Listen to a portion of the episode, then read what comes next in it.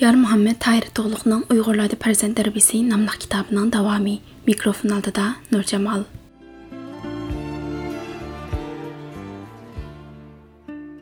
Üçüncü qism qizlar uy ishlariga pishsin. Qizlarga beriladigan fazilat tarbiyasidan biri ularni kichikdan boshlabla uy ishlariga puxta, ishqi pishqan, pokiz, osh tomoqning hududini chiqaradigan qilib tarbiyalash lozim. Bumi Uyg'urlarning farzand tarbiyasida fazilat tarbiyasining muhim mazmuni bo'lib kelgan. Hozir mutlaq ko'p sondagi qizlar maktabda o'qiyotganligi uchun ota-onalar o'qishga ta'sir yetmasin deb ularni uy ishlariga aralashtirmaydi. Natijada ba'zi qizlar hatto turmushliq bo'lgan qadar tomoq etish, kir yuyish, uyni saramjonlashtirish qatorliq ishlarni yaxshi bilmaydi. Bunday bo'lish qizlar uchun bir ayib sanaldi. Uy ishlariga salmay o'gitib qo'ygan qizlar uychoqliq bo'lganda yangi oila turmushiga ko'nalmay, ko'p sovuqchiliklarning bo'lishiga, hatto mush sababli turmushning buzilib ketishiga sabab bo'lyotidi. Bilish kerakki, ishlariga puxta, pishqan bo'lish, pokiz, tartiblik va radlik bo'lish kishilik turmushdagi qat'iy bilish zarur bo'lgan oddiy bir talab hisoblandi. Ancha-muncha oila ishlariga aralashtirish bilan o'qishga ta'sir etib ketmaydi.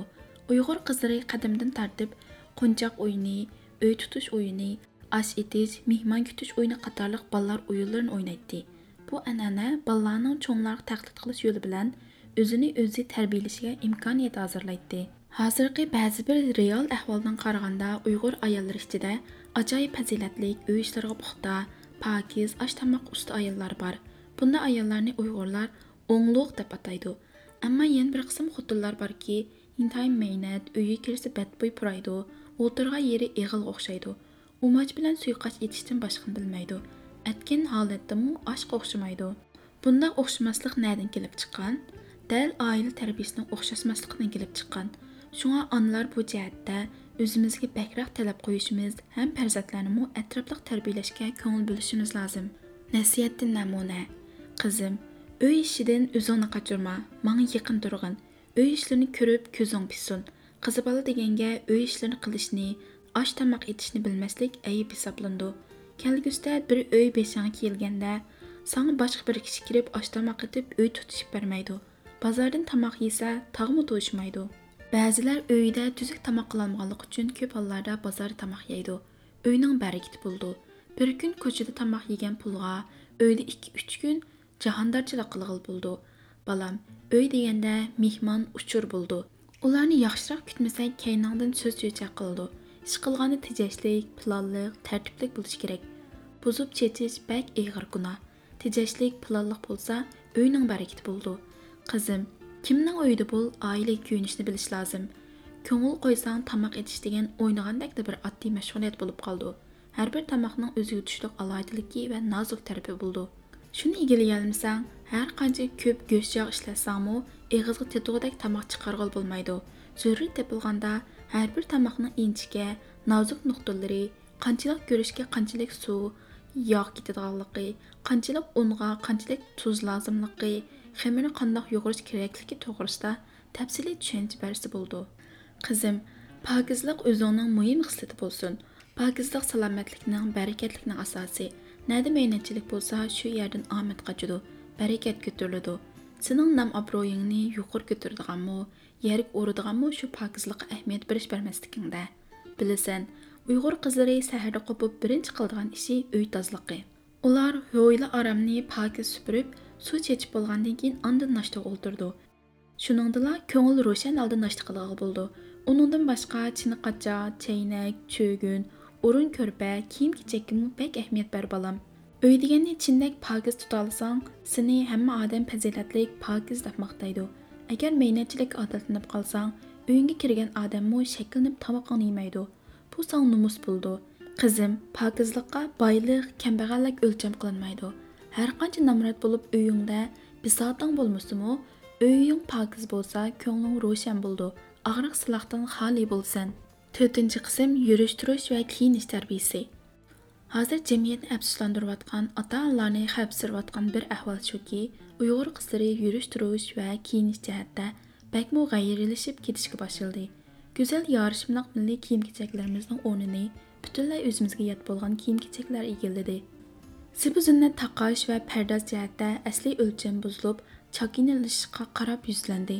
Buning ro'shan ifodasi shuki, bizning hozirgi ba'zi xotin qizlarimizning tashqi qiyofatidan uyg'ur xotin qizlarga xos alohidlikni topqil bo'lmaydi hatto tangri yaratgan qunduzdek qop qora sochlarinimi seriq bo'yab o'zining tabiiy yoritilishiga o'kti qo'pmoqda biz hozirgi uyg'ur qizlaridan hanzu qiyofatli qizlarnimi pokiston hindiston qizlariga xos alohidliklarnimi yevropa qizlariga xos alohidliknimi arab ayollariga xos alohidliknimi necha xil tarkiblar bir gavda bo'lgan ahvollarni uchirtimiz texi ajablanarli yeri shuki o'zini madaniy chog'layotgan bir qism uyg'ur qizlari o'zining bo'yturqi rangi ro'yi mijoz xarakteri yosh quromi va muhitga uyg'un kelish kelmaslik bilan hisoblashmay kino televizordan qanday kiyim modasini ko'rsa uni xuddi maxsus uyg'ur qizlari uchun loyilagandek his qilib shu peti ko'chirib kiyiveradigan bo'lib ketdi yana bir jihatdan yorishimliq kang silinib turadigan uyg'ur kiyimlari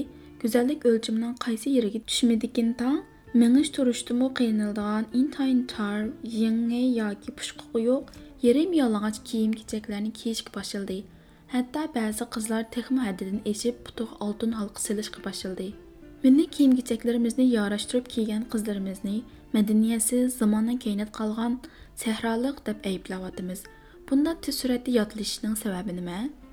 Birinchi uyg'ur qizlari go'zallik ta'lim tarbiyasidan xabarsiz qoldi. Shunga ularning estetik tuyg'usida turg'unlik yo'q. Boshqalar nima kiysa moda qo'llashib o'ziga yot asli go'zallikka nuqsa yetkazgan kiyimlarni qabul qilavergan. Ikkinchi o'zimizning milliy kiyim kechaklarimizning go'zalligini qimmatini tan salomatlik bilan sharmiy hayo bilan bo'lgan munosabatini his qilishdan mahrum qilgan. ئۈچىنچى نوقۇل دوراش پىسخىكىسى ئۈستۈنلۈكنى ئالغانلىقى ئۈچۈن سىرتتىن كىرگەن غەيرىي كىيىم كېچەكلەرنىڭ قىممەت جەھەتتە ئۆزىمىزنىڭ مىللىي كىيىملىرىمىزنىڭ ئورنىنى باسالمايدىغانلىقىنى چۈشەنمىگەن تۆتىنچى ئانىلار ئۆزى باش بولۇپ مىللىي كىيىم كېچەكلەردىن ۋاز كەچكەن شۇڭا قىزلىرىنى باشقۇرۇشقا ئامالسىز قالغان ئەگەر ئاتا ئانىلارنىڭ قۇربى ۋە سەۋىيىسى يار بېرىدىغان بولسا پەرزەنتلەرگە كىچىكىدىن باشلاپ گۈزەللىكنى go'zallikni tushunish go'zallikni farq iqtidorini oshirish jihatda tarbiya berish lozim nasihatdan namuna qizlar maktabda o'qiyotgan chog'da qizim go'zallik oddiy soddalikda o'quvchi degan g'ayriy g'alit kiyimlarni kiyib olsa bo'lmaydi odamning go'zalligi hashamatlik g'ayriy kiyilinishda emas balki bilim qobiliyatda va fazilatda sen kiyinilishni qimmat obro'y deb qaraydigan qizlardan o'rganmagin kiyim kechak qil havas qilish odamni yaxshi qo'yga solmaydi o'quvchi degan hozir girim buyumlarini ishlatsa bo'lmaydi.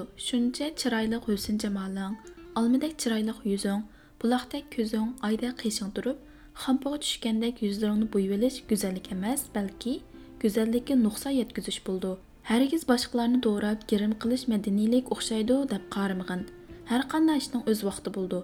G'unchining o'zining go'zalligi o'ziga yarashidi uningga yana pardoz berish ne hojat oltin ustiga kokul loy berish ئەقىلسىزلەرنىڭ گۈزەللىك ئۆلچىمى قىزلار Қызлар بويىغا يېتىپ قالغاندا қалғанда.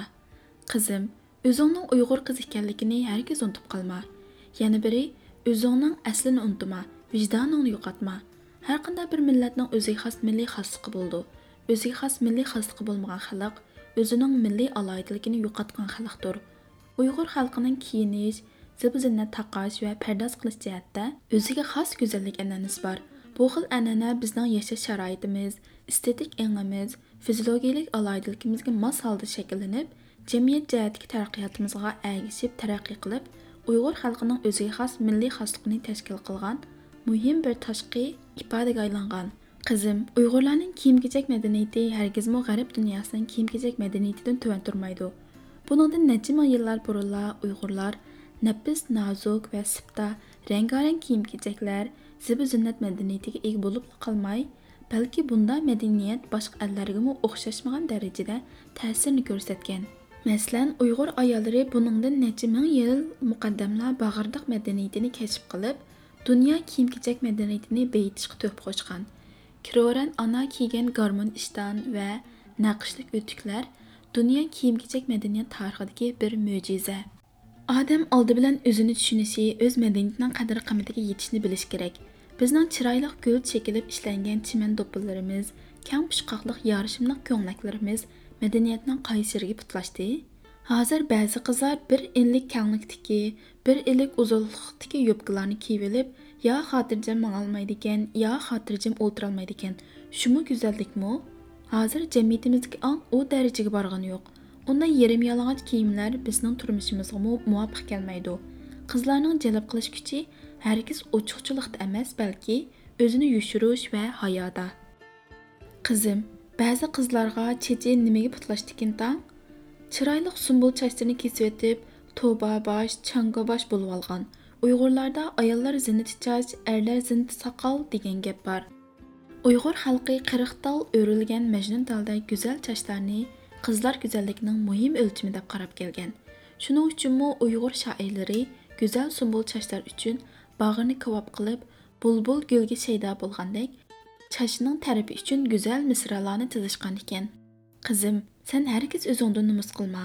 O'zingning madaniyatidan faxrlan o'zingni tuvan chog'lama o'zingdan yodlashmoqchi bo'lsang o'zingni uyg'ur qizi deb qarama. O'zingni uyg'ur qizi deb tunisang o'zingning go'zal milliy xosligingni tashlama madaniylashish degan yodlashish emas qizim balki milliy madaniyatni zamonga yarasha taraqqiy qildirish ong jihatda yuksalishdir beshinchi qism qizlarni o'ziga ishonishga va qobiliyatini joriy qildirishga rag'batlantirish kerak bugungi dunyoda qizlarga qo'yiladigan nurg'un ijtimoiy cheklamaliklar buzib tashlandi qizlarmi o'zining insoniy qobiliyatini joriy qildirish fursatiga erishdi biroq ba'zi ota onalar qizlarga san degan qiz bola shunchalik o'qisangli kifoya ھەر قانچە تىرىشساڭمۇ چوڭىشىلارنى تەۋرىتىۋېتىشىڭ мүмкін ئەمەس دەپ قىزلارغا جەمئىيەت سېپىگە قاتنىشتەك ئوتلۇق ئىنتىلىشىگە سوغۇق سۇ سېپىدىغان ئەھۋاللار بار بىراق بۇ دۇنيا ئوغۇل ۋە قىزلار بىلەنلا بىر پۈتۈنلۈك ئىگە بولالايدۇ خىزمەت نۇقتىسىدىن ئوغۇللار قىلالىغان ھەر قانداق ئىشنى قىزلارمۇ قىلالايدۇ ularning umr bo'yi uy ayoli bo'lib jamiyatdagi o'rnidan ayrilib qilishiga bo'lmaydi ulargami shan sharaf qimmat kerak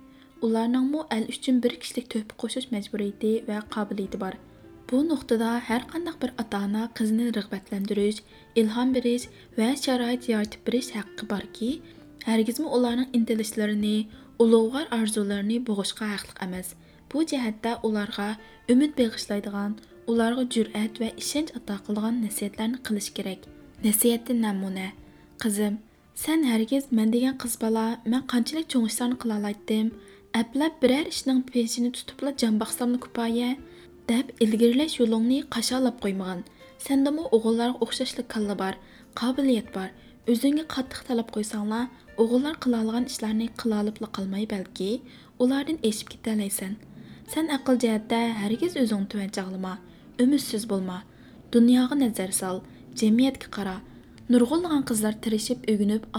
доктор aspirant doktor bo'lyotidi. Hukumatning muhim organlarida xizmat qilib, el uchun zo'r tuhfalarni qo'shyotidi. Sening jismoniy jihatdagi qisman ojizliging hargizmi o'g'illardan tuvan turdiganligini isbotlamaydi. iqtidor degan jismoniy kuch yoki jinsiy farq bilan o'lchanadigan zamon kelmasga ketdi sening hozir tarbiyalanish fursatang bor vujudingda tangdoshsiz yoshirin iqtidor mujassam bunday iqtidorni faqat uy tutishqila sarf qilib o'tish to'limi aqlsizlik va hayot behudachiligi sen jur'atlik umidlik va tirishchan bo'lib buyuk tuhfalar bilan qizlar uchun shan sharaf quchishga haqliq sen ulug'vor maqsad qat'iy iroda bilan dunyoga o'g'illarga raqobat e'lon qilolug'idek jasoratga ega bo'lishing lozim oltinchi qism qizlarning nikoh va turmush ishlariga to'g'ri maslahat berish kerak Nikoh va turmush ishi ota-onalarning beshini eng qotiradigan va xotirjamsizlantiradigan muhim ish. Chunki nikoh degan umr sodisi degan gap bor. Farzandlarning nikohda va turmushda baxtli bo'lishi ikki oilaning xotirjamligi, yana bir oilaning baxtli bo'lishi bilan munosabatlik muhim ish. Turmush xavfli oilalarga intayin cho'ng ko'ngilsizliklarni elib keldi. Shunga ota-onalar farzandlarining bu cho'ng ishiga nisbatan intayin so'quqqonlik bilan muomala qilishi, farzandlarga to'g'ri yo'l va yaxshi nasihatlarni qilish kerak bo'libmi ota onalarning o'zaro muomala munosabatlari oila ichida iqtisodchan bo'lish qiynatda qiynanisiga tutgan muomala munosabatlari farzandlarga intayin cho'nqur ta'sir qildi. Bizning kuzatishimizga qaraganda farzandlarning nikohida ota onalar mundoq bir qancha tarafdan yetaklashishi lozim. Birinchi farzandlarning muhabbatiga hurmat qilish lozim. Chunki bir oila muhabbatsiz puttirab turolmaydi.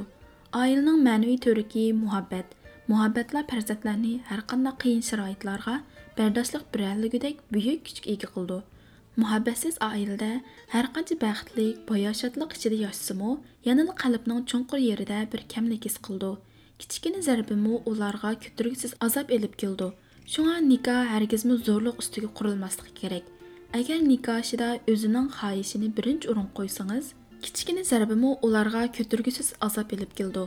Şuna nikah hərgizmi zorluq üstüge qurulmaslıq kerak. Əgər nikahşıda özünüzün xahişini birinchi o'rin qo'ysangiz, farzandlarning baxtsizligiga butunlay sababchi bo'lib qolasiz. Ikkinchi, o'zingizning xohishi yoki farzandlarning orzusi bo'yicha qarshi tarafning boy va kambag'al bo'lishini o'lcham qilish to'limi xato. agar farzandlar qarshi tarafni boy puldor deb qiziqib qolgan bo'lsa bu muhabbat emas balki tama bunda quruq tamadin farzandlar o'ziga nisbatan past ko'rishni kamsitishni va xo'rliqni setib oldi boylar hech qachon qizining بايلىقىنىڭ يېرىمىنى سىزگە بۆلۈپ بەرمەيدۇ ئەكسىچە سىزنى ئۆزى بىلەن بىر قاتاردا تۇرالمايدۇ داستىخاننى بىزدەك سالالمايدۇ دەپ قاراپ ئالدىڭىزدا غادىيىدۇ ئۇنداق ئائىلىدە قىزىڭىز كېلىن ئەمەس بەلكى ئاددىي بىر خىزمەتچىگە ئايلىنىپ قالىدۇ ئەگەر پەرزەنتلەر ئاشۇنداق بىر تەمە той توي قىلماقچى بولىدىكەن بۇندا نىكاھنى توسۇشقا ھەقلىقسىلەر ئۈچىنچى قىز پەرزەنتلەرنى ھەرگىز ئۆزىدىن ياشتى پەرقى زور كىشىلەرگە زورلاپ ياتلىق قىلىشتىن ساقلىنىڭ چۈنكى چوڭ ياشتىكى كىشىلەر بىلەن bilan yosh qizlar hissiyat jihatda hargiz o'rtoqlasholmaydi yana biri yillar o'tgan siri oradagi farq texmi zo'r bo'ldi uchinchi tarafdan er baldurlar olamdan o'tib oilaning butun eg'ir yuki qizning zimmasiga yuklandi bu dard alamga sizlarmi sherik bo'lmay ilojinglar yo'q bu xususda mundoq bir hikoyani misol tariqasida saminglar silib qo'yay. Shayx saydi mundoq bir hikoyani qildi bir qari odam munolarni hikoya qilib bergan edi deydi bir qizga uylangan edim uyni gul bilan bizidim uyda uning bilan yolg'iz o'ltiratdiq dilim uningga bog'langan edi uningdan ko'z uzmaydim qiz mendan o'zini qochirmasin manga ko'nib qolsin deb uzun kechalarda latifa cho'chaklarni aytib chiqatdim bir kechasi qizg'a mundoq dedim. Sanga baxt yor bo'ldi omad keldi chunki sen tajribalik o'qigan jahon ko'rgan tinch issiq sovuqni boshdan kechirgan yaxshi yomonni sinagan muhabbatning qadrini bildigan do'stlikning shartini ado qildigan ko'ngli yumshoq mehribon mijozi obdan shirin so'zlik bir qarining qo'liga tushding sen takabbur ko'ngli qara o'yinchi shoxdan shox qo'nadigan doim havasga beriladigan fikrda turmaydigan har kechasi bir joyda qo'nib qoldigan har kuni bir yor tutadigan yomon yigitni qo'liga tushib qolmading ammo qerilar yigitlarga o'xshash bangvash emas. Ular aql adab bilan hayot kechirdi shu yo'sinda qizg'a bir mo'j so'zlarni qildim dedi qeri so'zini davomlashtirib uning ko'ngli mang bog'landi endi uni yuzimga qartib oldim deb o'ylagan edim lekin qiz dardli ko'ngildan so'g'uq bir uh tortdi-da. Sen aytgan bu so'zlarni aqlimning tarozisidan tortib ko'rganimda bir so'zchilik vazni yo'q. Bir chog'da men imkonimdan yosh cho'konga qeri odam yanada o'ltirgandan بېقىنىغا ئوقيا ئوقى سانجىلىپ تۇرغان ياخشى دېگەن گەپنى ئاڭلىغان ئىدىم دېدى شۇنداق قىلىپ بىز كېلىشەلمىدۇق ئاخىر ئاجرىشىپ كەتتۇق قىز ئىددەت ۋاقتى توشۇش بىلەنلا بىر يىگىتكە تېگىۋالدى بۇ قېتىمقى ئېرى ئاچچىق يامان توڭ مىجەزى ئوسال قولىدا ھېچنېمىسى يوق بىر ساياق بولۇپ قىز ئۇنىڭدىن جەبرى جاپا كۆرەتتى ۋە رەنجى مۇشەققەت تارتاتتى شۇنداق بولسىمۇ خۇدانىڭ بۇ نېمىتىگە شۈكۈر قىلاتتى ئەلھەمدۇلىللا ئاشۇنداق قاتتىق азаптан құтылдым. Amdi muqim ne'matga ulashdim, deydi. Demak, mundaq ishlar turmushimizda oz emas. Ba'zi qizlar tishini tishlab o'tib ketishga majbur bo'ldi. Yana ba'zilar oilasiga va sizlarga haqorat keltiradigan yo'lni tanlashga majbur bo'lib qoldi.